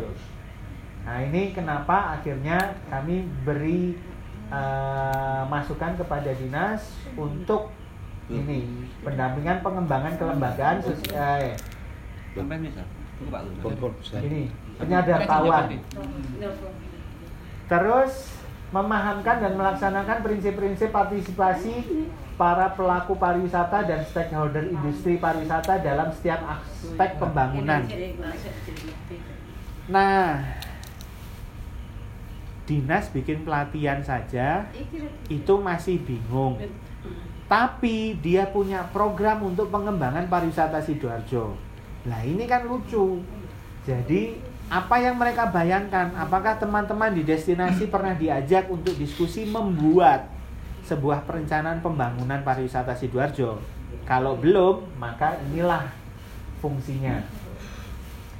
Pendampingan pengembangan dan kelembagaan sesuai kebutuhan destinasi jika ada membentuk kelompok kerja lokal pariwisata KKLP dan tata kelola destinasi ini kami eh, kami masukkan ke sini. Ini karena ini mandat undang-undang yaitu Permen Pariwisata nomor 4 tahun 2019 tentang petunjuk teknis penggunaan dana alokasi khusus non fisik dana pelayanan kepariwisataan. Maksudnya adalah ya minimal ketika ini ada dana alokasi khusus itu nggak dipakai buat main-main. Jadi memang di di apa namanya eh, di, di dibuat perencanaannya penganggarannya itu ada di kelompok kerja lokal pariwisata. Kelompok lokal, lokal kerja pariwisata itu isinya siapa? Itu ada berapa banyak itu. Ada 15 ya. 15 15 sektor. Nah termasuk destinasi. Itu KKLP dan kemudian ini membangun dan atau mengaktifkan jaringan pariwisata antar stakeholder di pariwisata. Maksudnya adalah supaya destinasi pariwisata di sidoarjo itu saling terkoneksi membuat modul-modul pelatihan nah ini ternyata juga tidak pernah ada acuan baku di sidoarjo untuk melakukan pelatihan-pelatihan yang mengacu pada standar kompetensi kerja nasional Indonesia ini juga sekali lagi mandat dari undang-undang.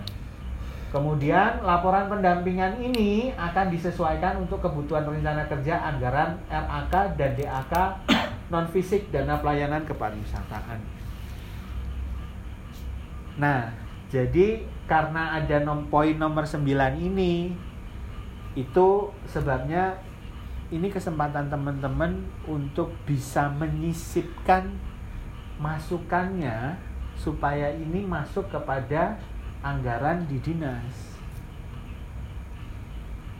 Gitu. Ceritanya.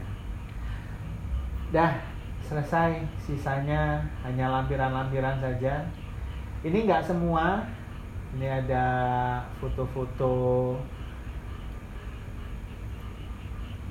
Nah, ini belum semua karena sisanya saya taruh di Nah ini loh. Balon.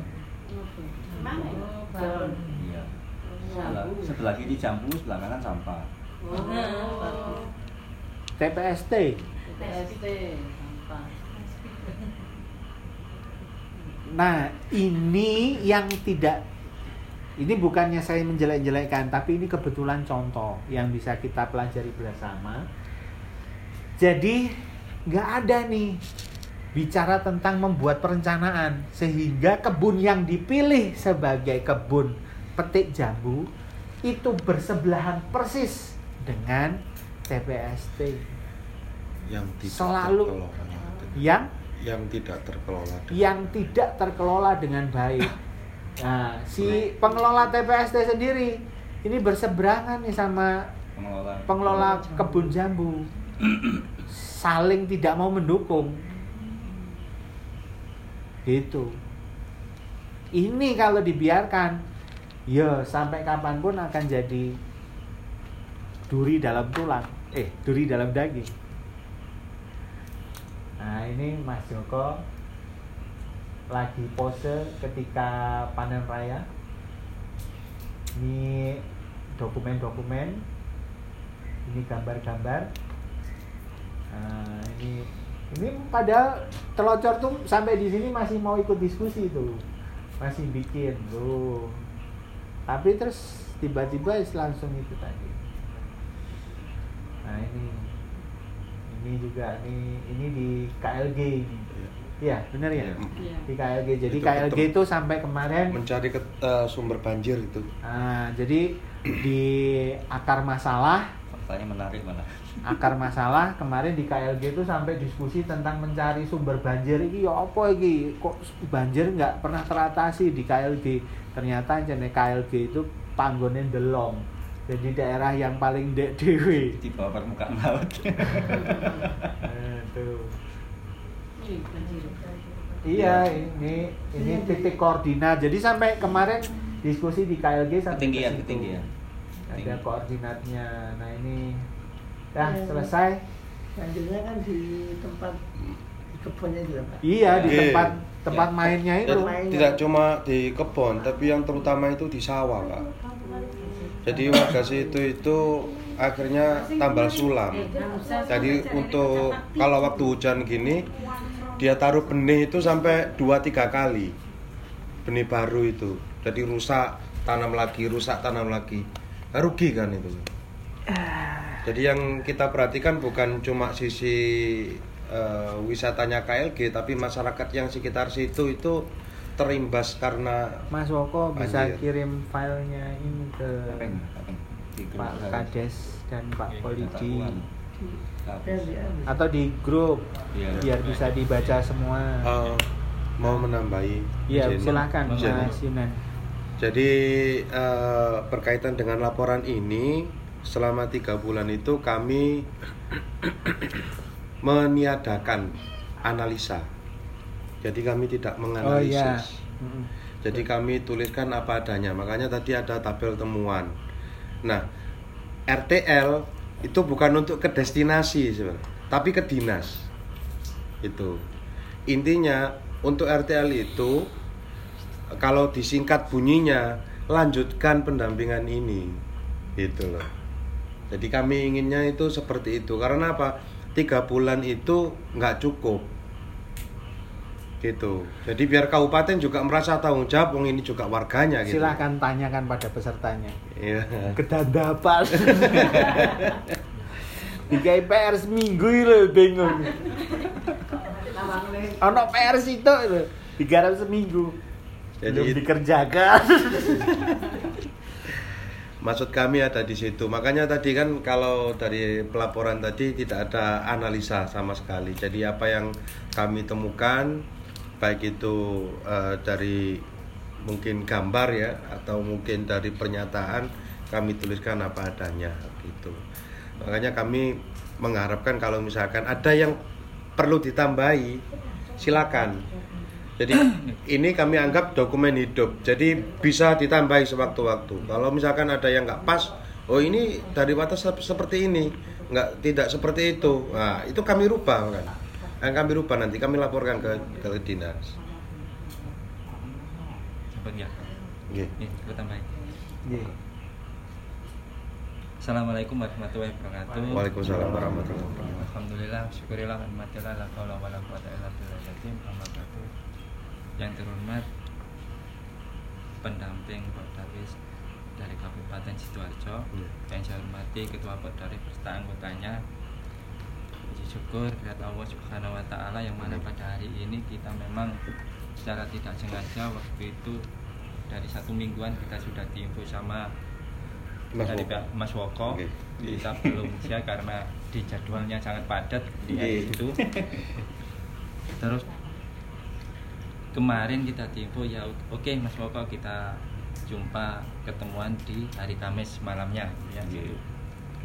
Dan juga alhamdulillah apa yang disampaikan dari pendamping ini ya juga memang kita istilahnya itu Kabupaten Sidoarjo ini saya kira telat Iya. telatnya itu kita sudah istilahnya melangkah dengan bumdes di situ ada Kodawes tapi kita terima karena di situ nanti suatu statement intinya dari desa itu memang kalau di wisata ini hanya harus ada Kodawesnya itu Iya. yang memang kita keluhkan di tahun 2017 dan kita juga kita klasifikasi tentang RPJMDes karena apa ketika dalam visi misi dari pilkades yang terpilih ini di situ membuat RPJMDes.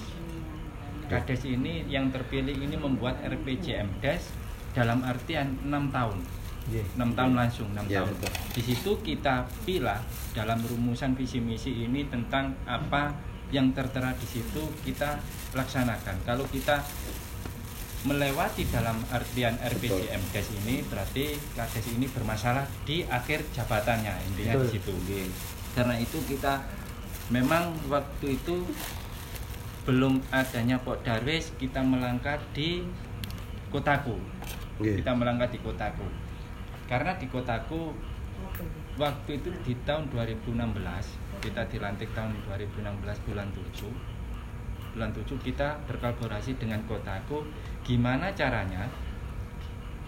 Dengan antoniasnya dari desa ini sekupnya desa tapi wajahnya kota. Intinya di situ waktu itu kita berkorporasi terus kita istilahnya bikin dan tidak merubah koridor istilahnya sejarahnya desa kita bikinkan. Istilah yaitu wisata desa intinya di situ.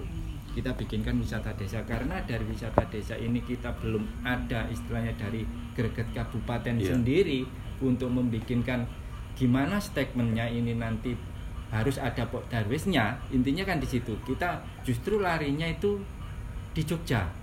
Kita bergandeng dengan JRKI waktu itu. Kita sering diundang di sana. Kalau nggak salah setiap tahun kita diundang intinya di situ.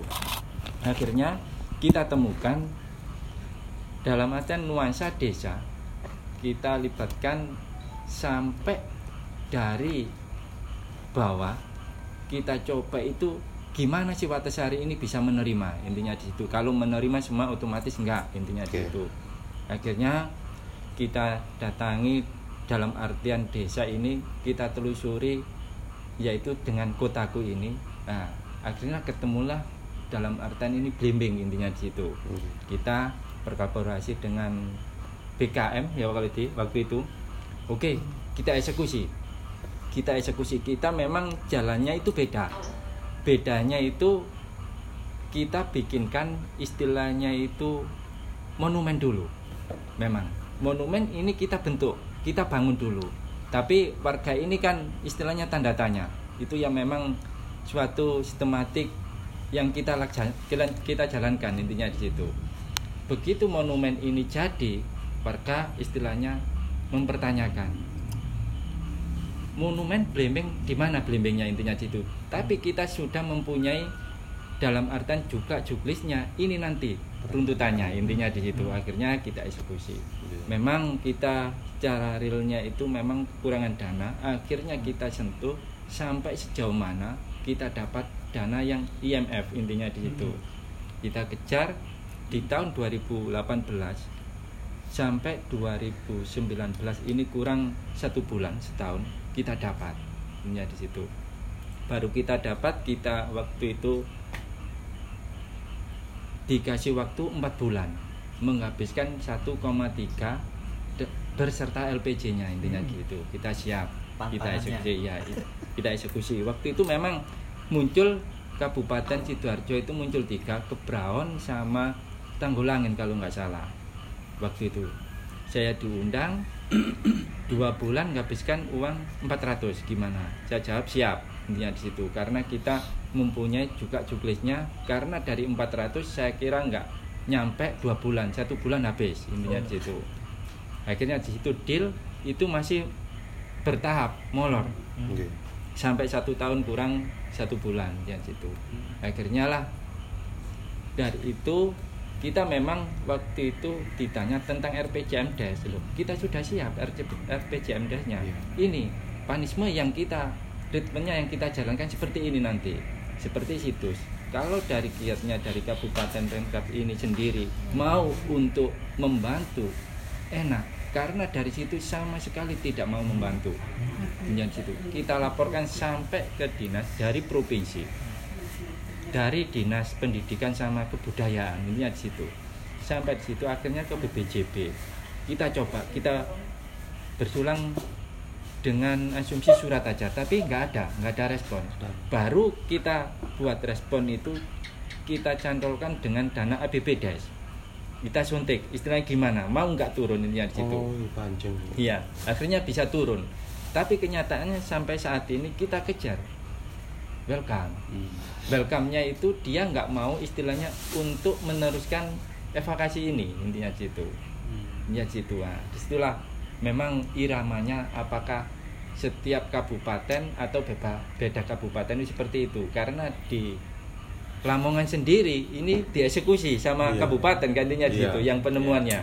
Sedangkan Kabupaten Sidoarjo ah, ini kan enggak itu enggak ada siasa intinya di situ memang kita perlu istilahnya pendampingan itu dalam artian sampai sejauh mana sih. Kalau di Watasari saya kira nanti di Pok Darwisnya itu gimana caranya ini kalau sudah istilahnya meludak di tenaga kerja di gate-nya sama outbound-nya. Ini di situ di gate sama outbound-nya nanti secara individu, individu dalam artian di lapak-lapaknya ini nanti ada yang pendukungnya ini ya situ. Hmm. jadi supaya Podarus ini nggak terlalu istilahnya itu keras keras dalam artian pemikirannya Oh, iya.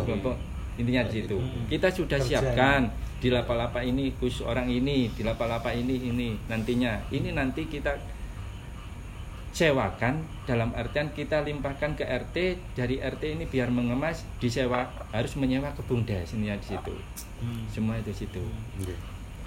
karena dan tujuan seperti ini kita itu bisa bisanya itu merubah dalam sistem istilahnya itu desa yang dulunya itu tidak mampu sekarang mampu intinya di situ. Dan kita libatkan manusianya kalau dulunya itu nggak bisa makan sekarang bisa makan intinya kan di situ. Ya di situ Iya. jadi itu aja yang bisa sampaikan kita Oke. memang harus bisa menggarisbawahi bukan istilahnya kita minta enggak kita harus berkolaborasi tukar pikiran Oke. Ya. intinya itu karena Betul.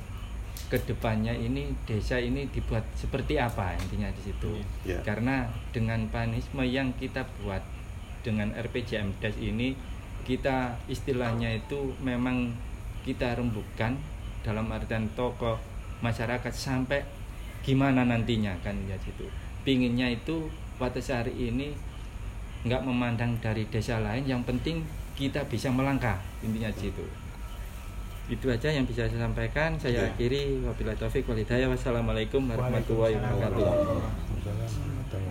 Jadi ya itu.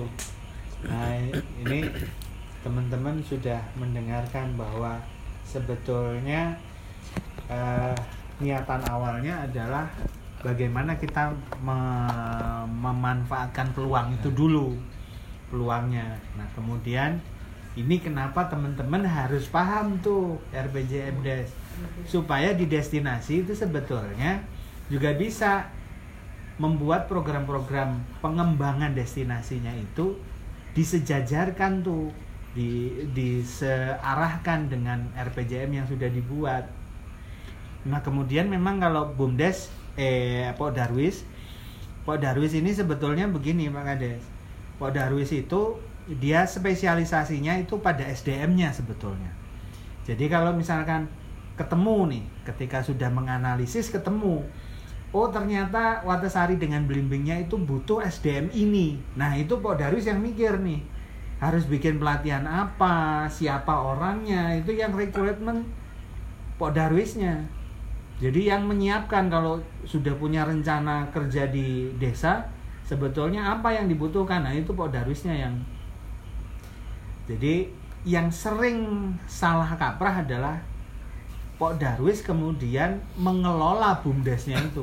Itu yang jadi semrawut. Karena nanti kerjanya jadi double. Yang harusnya dikerjakan tidak dikerjakan, yang dikerjakan itu dikeroyok Robek. dua. itu. Makanya Pok Darwis punya PR sekarang. Itu tadi baca RPJM-nya itu. Jadi apa yang sudah di karena acuan untuk proses pembangunan desa itu semua diletakkan di sana dan nggak boleh desa melenceng karena kalau melenceng wah yang susah Kades itu ntar masa akhir jabatan. Sik tak sik sik sik ini iki ya. Itu nanti jadi masalah. Nah kenapa kok begitu? Iya karena supaya mempermudah meminimalis pikiran kita harus nyari dana ke mana itu sebagian bisa terjawab di sana. Itu. Kira-kira begitu. Nah sedangkan tadi yang Pak Kades cerita tentang ngomong terlambat nih Sidoarjo ya sebaiknya itu juga diangkat Pak di situ. Kan nanti jadi ada porsi nih Pak. Dinas saya minta untuk ngutang memberikan kesempatan destinasi untuk presentasi. Jadi kalau kemarin kabarnya itu sebelum ada apa saya istilah PSBB itu apa? Iya, PSBB. Apa? PPKM. PPKM. PPKM. Iya, PPKM. Iya. Mikro. Sebelum ada isu tentang PPKM itu, itu rencananya mau bulan. Februari apa eh Januari tanggal 4 Oh, Januari tanggal Jadi 4. habis liburan persis suruh untuk presentasi. Gitu. Gitu. Ternyata ada ini ya molor. Emang kami kan mendorong supaya yang presentasi ini itu bukan kami. Jadi destinasi. Destinasinya. Makanya kami sempatkan waktu ini untuk presentasi ke panjenengan-panjenengan itu kalau ada yang perlu dikoreksi sampaikan begitu.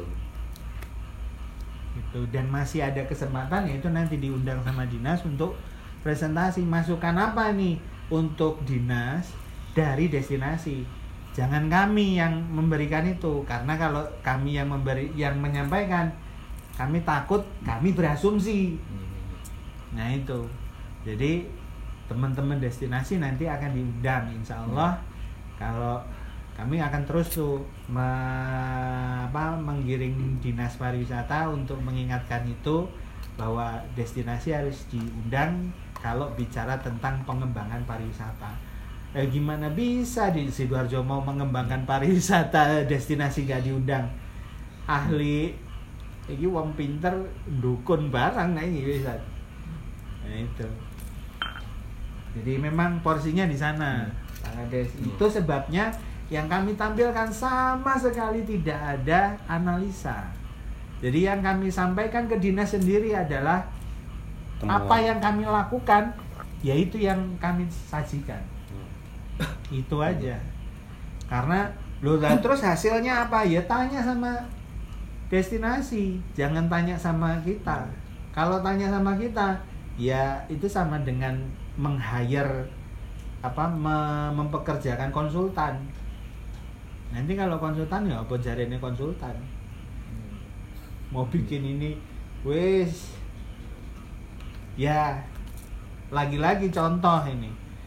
Kebetulan di sini saya nggak ketemu contohnya, ketemunya ya di telocor itu karena konsultan. karena konsultan bantaran kali itu loh Pak dibangun.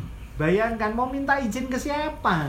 itu curhatan terakhir Udah nggak, aduh, ya tapi ya percaya ya konsultan. miliaran habis Iya, jadi gini saya tambahi memang Hmm. Sidoarjo ini telah karena di bumdesnya sendiri itu tentang perbuknya sampai saat ini saya belum tahu. Kemarin itu kita Hmm. juga di tahun 2020 kita juga diundang di mana? Di dinasnya sekda sana di vilanya. Terus kita coba narasikan di daerah kecamatan Wonoayu di situ kita juga kita singgung sampai saat ini. Entah perbuk itu sudah digedok atau tidak saya juga belum tahu intinya di situ. Kita mengacu dari pusat aja kita ngacunya dari pusat. Kalau pusat sih sekarang ini kemungkinan welcome sudah didengar dari pusat keperuntukannya bumdes ini. Dari situ. Karena ini dalam artian dari kepres yang sudah disuarakan dari Presiden Jokowi ini kemungkinan besar uang banyak ini di dinas pariwisata. Intinya di situ. Nah, makanya itu kita coba nanti gimana caranya dari pendampingan Port Darwis ini sehingga bisa merajut tentang proposal ini bisa ditunjukkan nanti bisa sampai turun ke bawah. Intinya Iya. situ kalau dari pendamping ini tidak dikasih kewenangan suatu apa pun lah percuma adanya pendamping untuk dengan momentum bahwa desa ini ada wisatanya kan intinya di situ. Kita juga kita kejar di BBM eh BBI kita kejar di BBI ini yang kedengarannya dananya banyak Pak Politi sampai 250 miliar 250 miliaran tapi ini secara otomatis lomba. Dalam artian kemungkinan satu Indonesia dan saya juga dengar juga bocoran kemungkinan yang di situ nanti diambil seribu seribu desa. Padahal yang sudah daftar lewat webinar ini kemungkinan sudah nyampe 2000-an tapi nanti kita diambil seribu nah kita kerjasamanya ini harus dari pihak universitas kerjasamanya untuk pendampingan dari Iya. universitas ya gitu yang programnya dikti Nah, itu Pak. iya.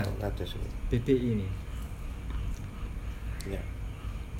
ya moga-moga ya ini Amin. juga dapat karena apa kita juga di desa Berlian ya juga gitu kita skala prioritasnya di 24 besar dari 125 kenyataannya ya nggak ada apa-apanya kan ya gitu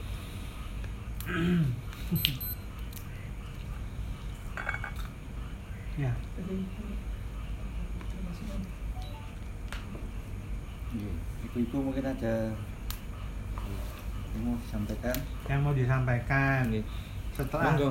Melakukan jadi enak nanti. proses pendampingan itu loh Iya, curhat mau, curhat apa. itu nanti yang, yang jelas di get sama outbound. Nah itu nanti biar enak-enaknya itu gini. Ketika sudah siap pandemik ini sudah istilahnya itu sudah hilang nah, itu nanti memang rencana Watesari memang kita kejar. Yang situ baru kita buka semua. Oke. yang situ Nah.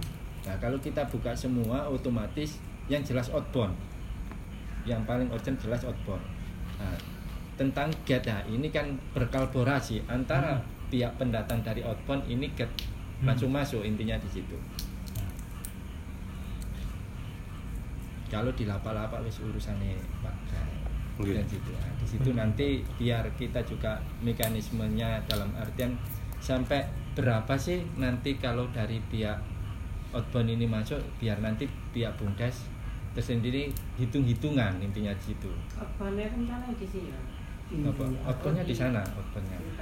Kita siapkan Jadi saya memang wisata itu kalau belum jalan memang satu kita juga kesulitan dalam artian di anggaran memang. Memang di anggaran kesulitannya itu di anggaran. Kalau kita sudah jalan nah itu nanti malah anggaran akan mengucurkan intinya situ Iya. Nah, ya situ karena di Kabupaten Sidoarjo ini lain dari Kabupaten Mojokerto. Ya situ kalau Mojokerto enak. Apa yang perlu difasilitasi? Hmm. tinggal kades ini meminta dalam artian kalau bisa bertanggung jawab kita lihat dari pihak yang istilahnya di Ganjaran. Ganjaran itu kan ada dua di Pacet Iya. sama di Trawas intinya di situ. Kalau di Pacet itu hampir 5 m itu dana dari kabupaten. Hmm. hampir 5 m. Kalau di Ganjaran itu berapa? 2 m. Terus dibuka lagi dengan mekanismenya warga ini sudah bisa merajut dalam artian oh memang kayak gini akhirnya dia lelang saham hampir satu setengah m lelang saham itu dibeli warga Hmm.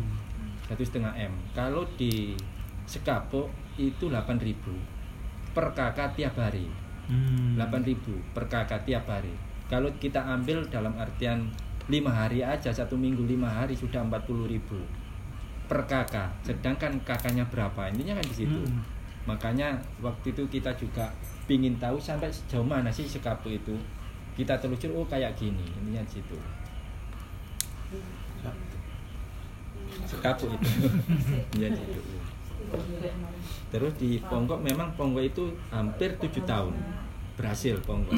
Terus di kabupaten istilahnya di luar cukupnya provinsi Jawa Timur itu memang ritmenya itu hampir lima tahun baru sukses lima tahun Iya. baru sukses Iya. lima tahun baru sukses nah kebetulan Watasari ini kan di alamnya saya kira ini tidak mendukung istilahnya kita coba di kebunnya untuk nantinya sebagai pendukung pendukung utama ini kan di kebunnya di belimbingnya kan ini kan situ kalau belimbing ini kan justru di jasa perawatannya yang banyak ini Iya. situ. karena membesarkan sehingga di belimbing ini bisa berbuah baik kan kan situ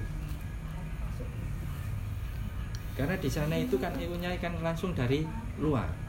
Kalau di istilahnya Ponggok itu kerjasamanya kemungkinan sama Danon sama Perancis. Hmm. Kanon.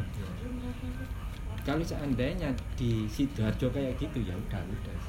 Kemarin di tahun 2019 tahun 2000 2020 kita memang 10 besar. Ini Berlin. 10 besarnya di Berlin karena di pandemi otomatis nggak bisa turun. Ini bisa dari Berlin. Terus dari Patah kemarin juga karena di pandemi akhirnya dari Jakarta sendiri tidak bisa turun. Tapi proposal kita sudah masuk. Masuk istilahnya di pusat itu dari kabupaten sama desa justru yang diperhatikan waktu itu yang dinilai itu dari desa, Desa. karena kita juga diinfo ini kabupatennya Watasari atau sidoarjo. Kita coba dalam artian kita pelajari proposalnya baikkan di desa daripada kabupaten. Kayak gitu. Akhirnya turun di sana pandemi zona merah nggak bisa turun.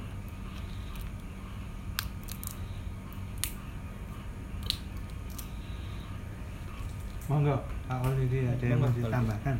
Assalamualaikum warahmatullahi wabarakatuh. Waalaikumsalam. warahmatullahi Dan selaku Kepala Desa Barsari, staf teman-teman pendamping dan teman-teman di Polres. Alhamdulillah, kalian tidak dapat di sini. Yang pertama, saya ucapkan terima kasih pendamping yang selama ini dan tidak berhenti sampai di sini dan tidak akan menolak karena sudah ada surat pernyataan dari kami bahwa siap didampingi setelah adanya pelatihan itu. Memang kami mau masih butuh pendampingan terus sampai hasil dari kegiatan ini.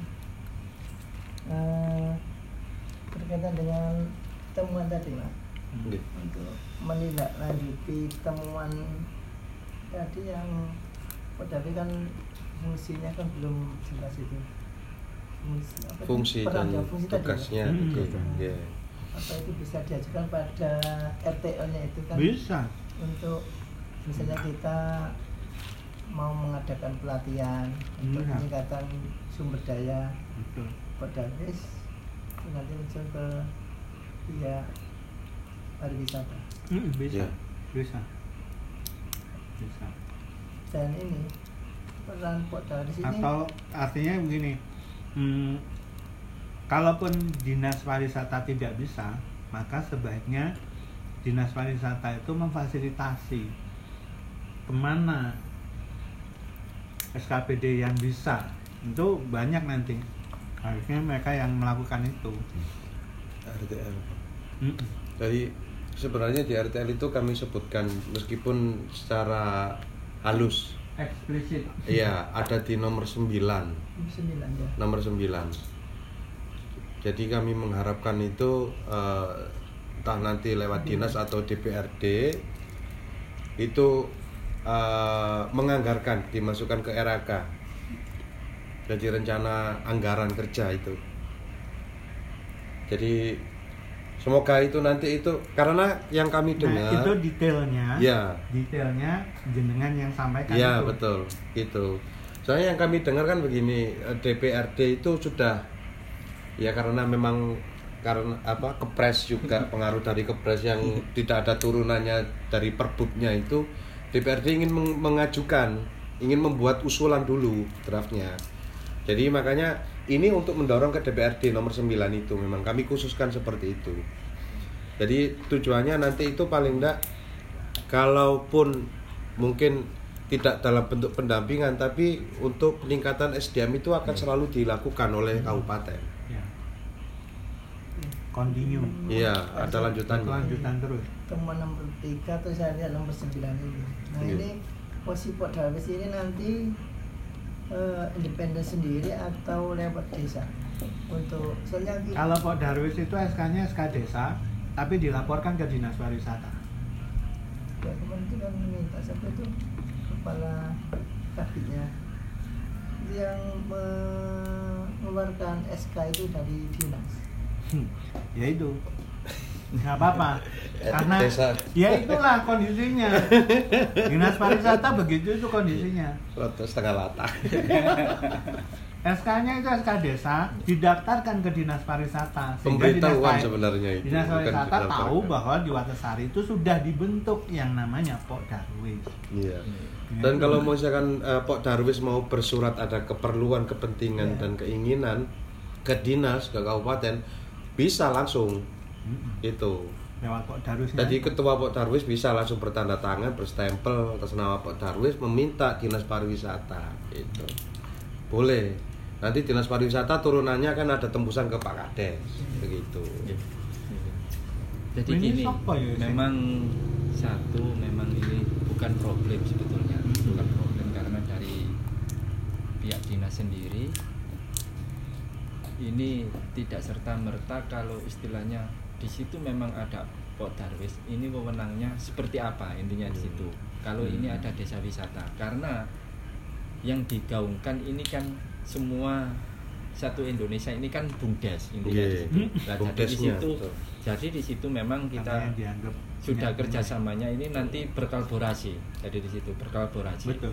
kita lebur dari di situ antara Bumdes sama Pok Darwis ayo jalan bareng Hmm. Bumdes sebagai manajer intinya di Hmm. situ Hmm. ya saya seperti itu nah Ya, ini betul. tentang stempel ini kalau kita dari pihak Pok Darwis ini membuat stempel terus dari struktur bersuratnya itu seperti apa kita belum berani intinya di Oh, situ betul. intinya di situ Iya. kita istilahnya mengasih SK dasarnya apa intinya kan di situ kita belum berani kalau dari wisata sendiri istilahnya meluncurkan by surat nah, kita bisa menindaklanjuti Betul. karena dalam aturan dari dinas pariwisata seperti ini Betul. baru desa bisa membuat istilahnya mengeskakan dari ketua Pok Darwis ini Iya, kan di situ iya, nah, iya. ini yang Iya. belum kita pahami kan kita belum istilahnya duduk bareng kan Iya, juga iya. gitu. Jadi kalau masyarakat sadar wisata itu eh, tersebutkan ada di Undang-Undang Nomor 10 Tahun 2009 tentang pariwisataan. Tersebutkan memang. Terus makanya tadi sempat disebutkan disampaikan oleh Mas Ramanu itu Mas Manu bahwa eh, Pok Darwis jangan jadi pengelola. Hmm. gitu. Karena Pok Darwis itu sifatnya bantuan untuk peningkatan SDM jadi jangan sampai Pok Darwis itu ngomong dana. Ini wis salah kaprah. Gitu ya jadi nanti yang bisa untuk yang masalah dana itu melalui mekanisme bumdes. Itu. Makanya pelaku dan Pok Darwis pelaku wisata dan Pok Darwis itu berbeda sebenarnya. Biar nggak campur aduk yang seperti itu. Nanti ujung-ujungnya berat di Pak Kades. Pak Kades yang ketumpuan. Itu. Kalau kalau di undang-undang memang ada tema lagi dan Pok Darwis itu informal yang bumdes itu formal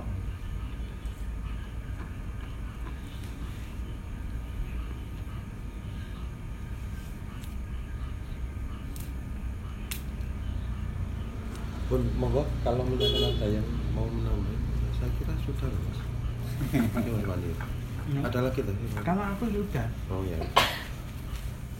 tinggal ibu-ibu mau curhat nggak? monggo tidak dong monggo. Sebelum ngedol yang Oh. buka nutup dulu.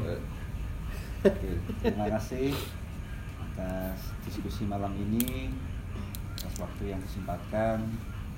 Semoga kita selalu diberikan kesehatan dan dijauhkan dari kesia-siaan. Amin. Selamat malam. Assalamualaikum warahmatullahi wabarakatuh. Waalaikumsalam. Waalaikumsalam warahmatullahi wabarakatuh.